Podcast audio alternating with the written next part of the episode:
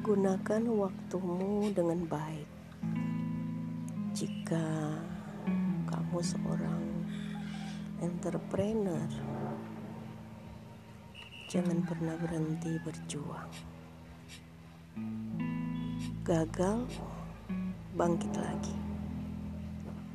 Jatuh, berdiri lagi.